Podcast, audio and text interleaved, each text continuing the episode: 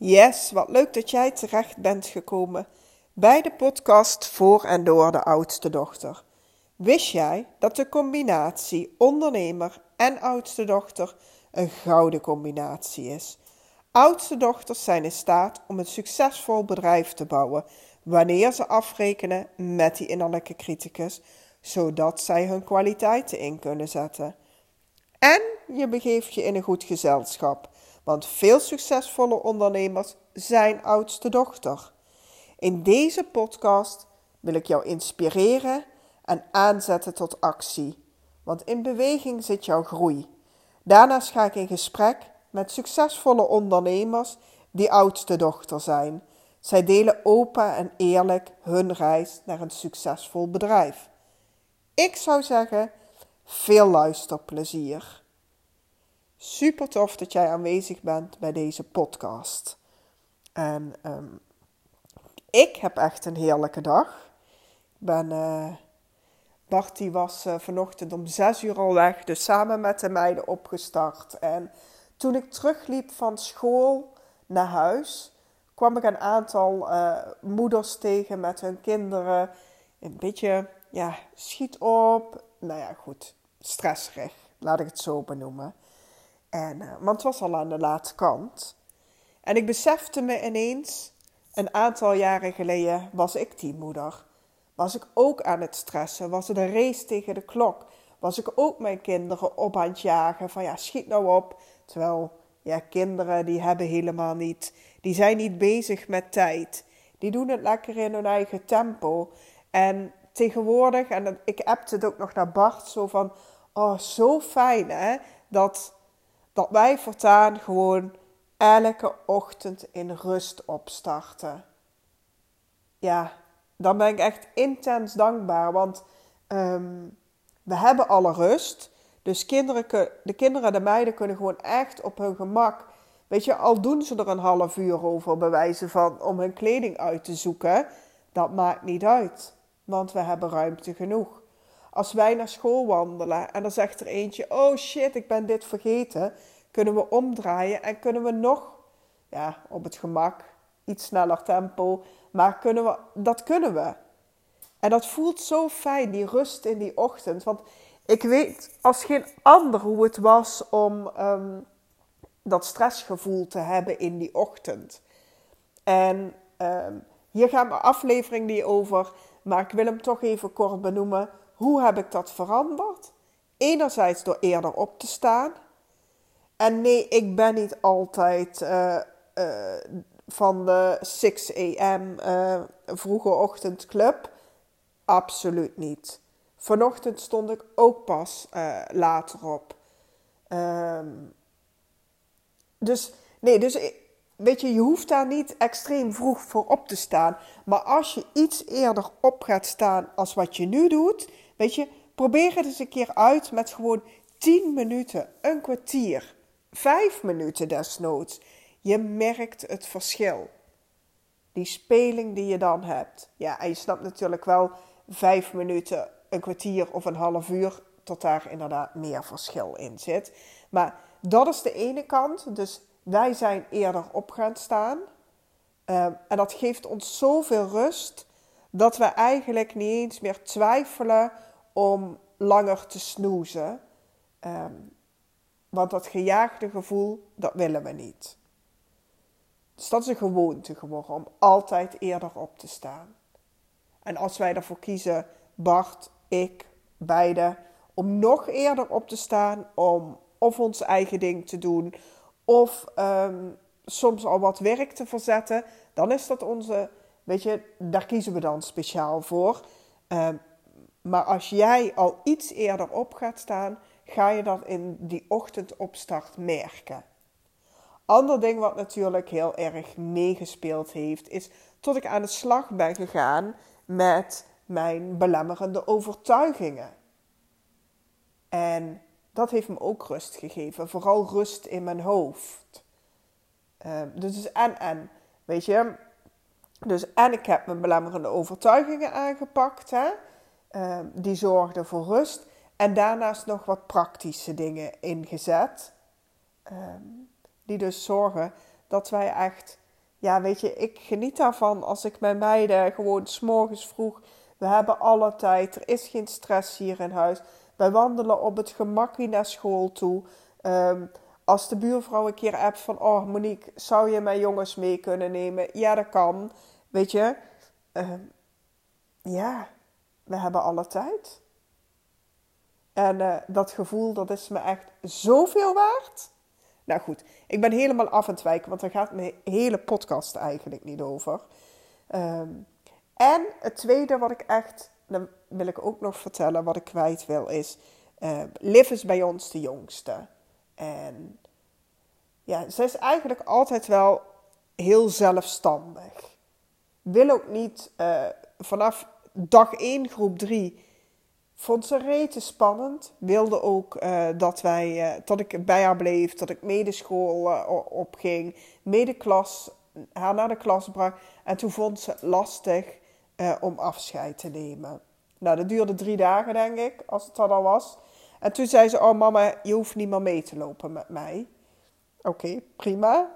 Nog wat pogingen gedaan. maar nee, zei: Nee.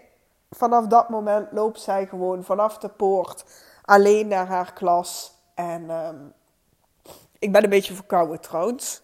Dus ehm, dat hoor je misschien. Mm.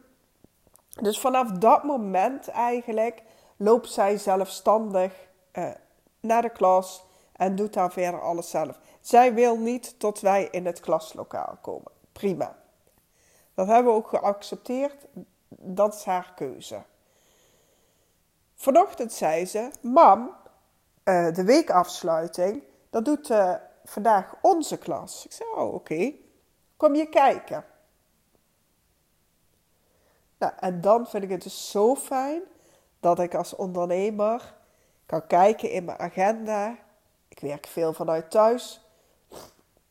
Ik heb een gat in mijn agenda. Ik heb daar niks in gepland. Ja, ik kan komen. Ik ben daar. Want zij stelt die vraag niet zo vaak. Dus die keer dat die vraag gesteld wordt, ja, dan ben ik zo dankbaar dat ik kan zeggen: Ja, meisje, ik kom. Uh, want blijkbaar is het voor haar belangrijk dat, uh, dat ik kom kijken. Want zij doet heel veel dingen alleen. Zwemles. Uh, je hoeft niet bij mij te komen kijken. Ik ga zelf wel daar naartoe. Um, nou ja, goed. En vandaag inderdaad kan ik dus vanmiddag naar school om naar de weekafsluiting te kijken, waar zij zelf dus ook aan meedoet. Nou dat. Ik ben gigantisch af en wijken, maar dat waren dingen waarvan ik me besefte, ja, dit was in het verleden echt zo anders. Dit, uh, ja, persoonlijke groei, zeg maar, uh, groei als mens, heeft wel gemaakt tot ik dit soort winst uh, heb vertaan. Nou, en dan kan ik wel een bruggetje slaan naar het thema van vandaag. Want als ik jou zou vragen, um, als jij voor 95% zeker wist dat het zou slagen, zou je dan ja zeggen?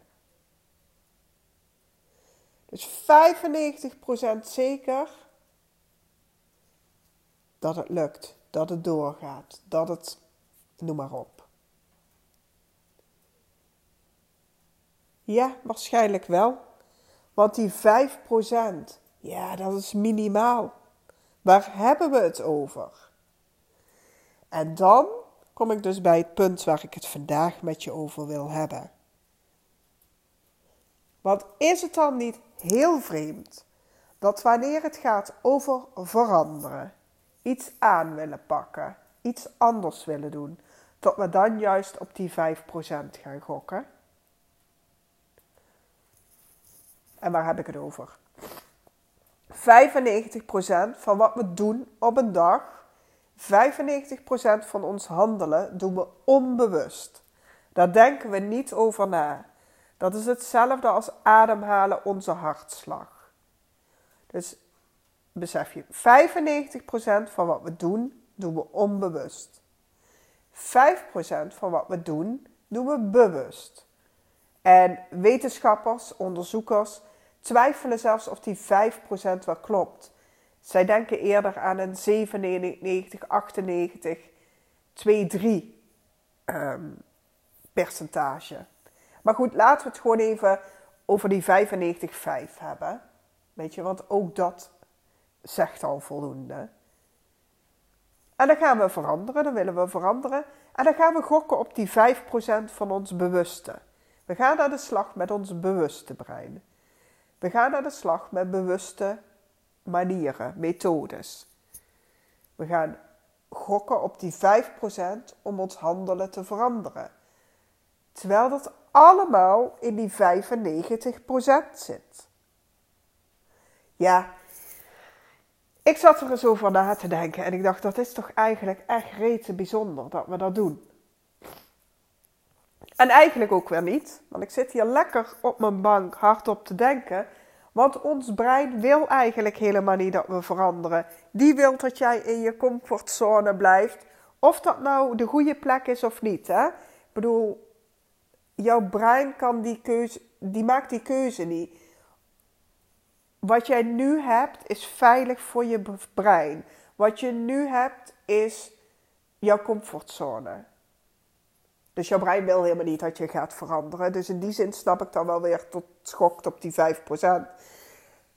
Maar het is toch eigenlijk vreemd. En die 95%, dat is dus werken met het onderbewuste. En hoe vaak ik nog wel niet terugkrijg als, ja weet je, is toch een beetje vaag. Hoe werkt het dan precies?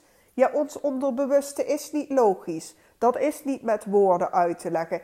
Weet je, dat wat ik doe, mijn sessies, ik kan het tot op de dag van vandaag nog steeds niet goed in woorden uh, vormgeven. Want het is niet uit te leggen. Het is niet te vangen in woorden.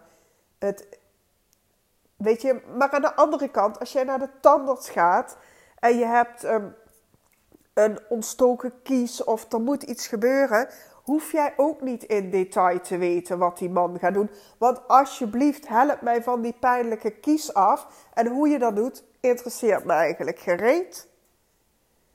En als het dan hierom gaat, dan is het, ja, maar hoe werkt het dan? En, en hoe, en hoe, en hoe, en hoe? Ja, moeten we dan ook niet wat meer à la de tandarts doen? Van, hey, ik loop hier tegenaan. Hoe jij wat je ervoor gebruikt, het interesseert me gereed als het daarna maar weg is. Ons onderbewuste is niet logisch.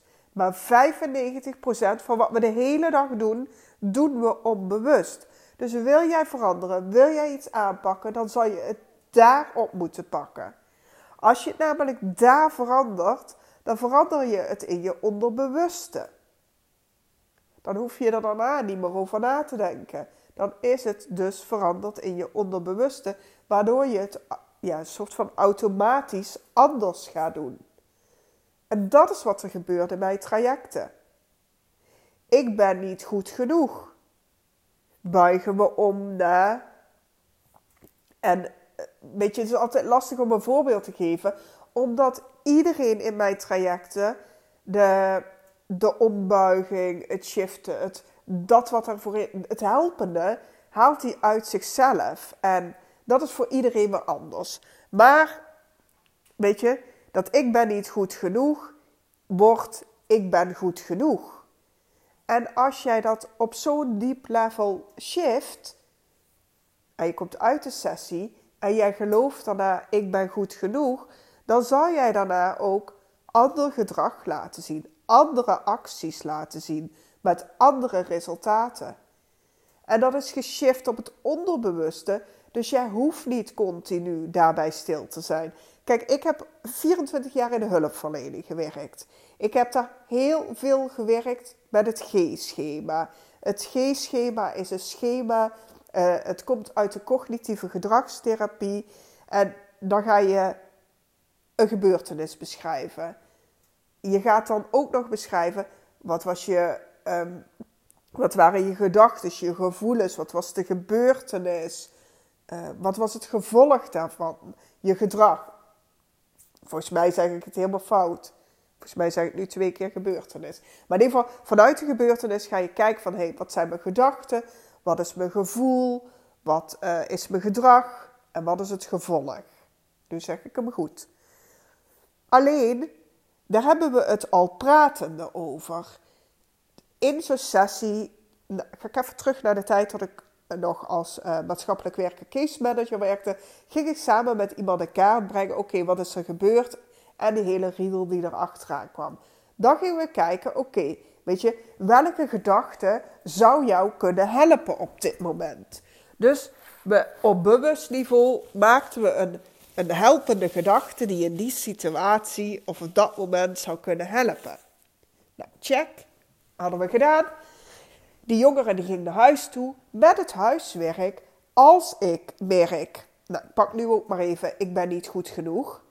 Uh, als ik merk dat ik de overtuiging heb of de gedachte heb, ik ben niet goed genoeg, buig ik hem bewust om dat ik ben goed genoeg. Dus er gebeurde iets, iemand ging naar school toe, had het gevoel, oh ja, ik ben niet goed genoeg. Moest dus tegen zichzelf zeggen, oh stop, je bent wel goed genoeg. Uh, ja, iemand moest daar heel actief mee aan de slag. Je moest je continu bewust zijn van wat je dacht. En als je dat dacht, moest je je dus bewuster van zijn dat je dat moest veranderen, dat je dat om moest buigen. Um, nou, dat kost bloed, zweet, tranen, veel tijd, veel energie. En het duurt uh, met diepe overtuigingen ja, echt wel een hele tijd. En zelfs soms moesten zeggen van, ja, weet je, ja, ja we, we lossen het niet totaal op. Maar in het onderbewuste pak je die overtuiging en een half uur later is die omgedraaid naar ik ben goed genoeg. En ik weet, dit klinkt te mooi om waar te zijn, maar dat is echt wat er gebeurt. Ik zie het keer op keer bij elke klant van mij. Weet je, de afgelopen jaren heb ik honderden issues, overtuigingen, emoties op zo'n diep level geshift. Keer op keer werkt het. Dus, en nu ga ik mijn podcast ook afronden. Want ik denk dat ik mijn punt wel duidelijk heb gemaakt. Waar kies jij voor? Ga jij zitten op die 5%? Of zeg jij dit jaar, ik ga kiezen voor die 95%? En ik ga veranderen. Die keuze is aan jou. En mocht deze podcast jou nou getriggerd hebben, mocht jij nieuwsgierig zijn geworden, ehm, neem dan vooral contact met me op. Want dan kunnen we kijken wat ik voor jou kan betekenen. Weet je, is uh, dat wat ik doe, matcht dat bij jou? Wat, of we kunnen onderzoeken, hey, van wat zijn dan die belemmerende overtuigingen bij jou? En wat zou de winst zijn als je daarmee aan de slag gaat? En als je me wil bereiken, kan je me een DM sturen op Instagram of een mailtje via monique.mjcoach.nl. En ehm, in eerste instantie, het eerste gesprek is altijd vrijblijvend. En uh, ik noem het een inzichtsessie omdat het je inzichten geeft. En van daaruit inderdaad, nou ja goed, kijken we of we match zijn of niet. Of we wel of niet samen gaan werken. Want ik geef garantie op mijn programma. Dus als ik voel, dit gaat hem niet worden, wij zijn geen match, jij bent geen match met het programma, zal ik dat eerlijk zeggen. Want ik wil dat er aan de achterkant er hele mooie resultaten uitkomen. Voor nu ga ik hem afronden. Ik moet ook echt mijn neus gaan sluiten. Sorry daarvoor. Ehm, en ik zie jou bij een volgende podcast weer terug. Ik wens jou een fijne dag. Doei doei.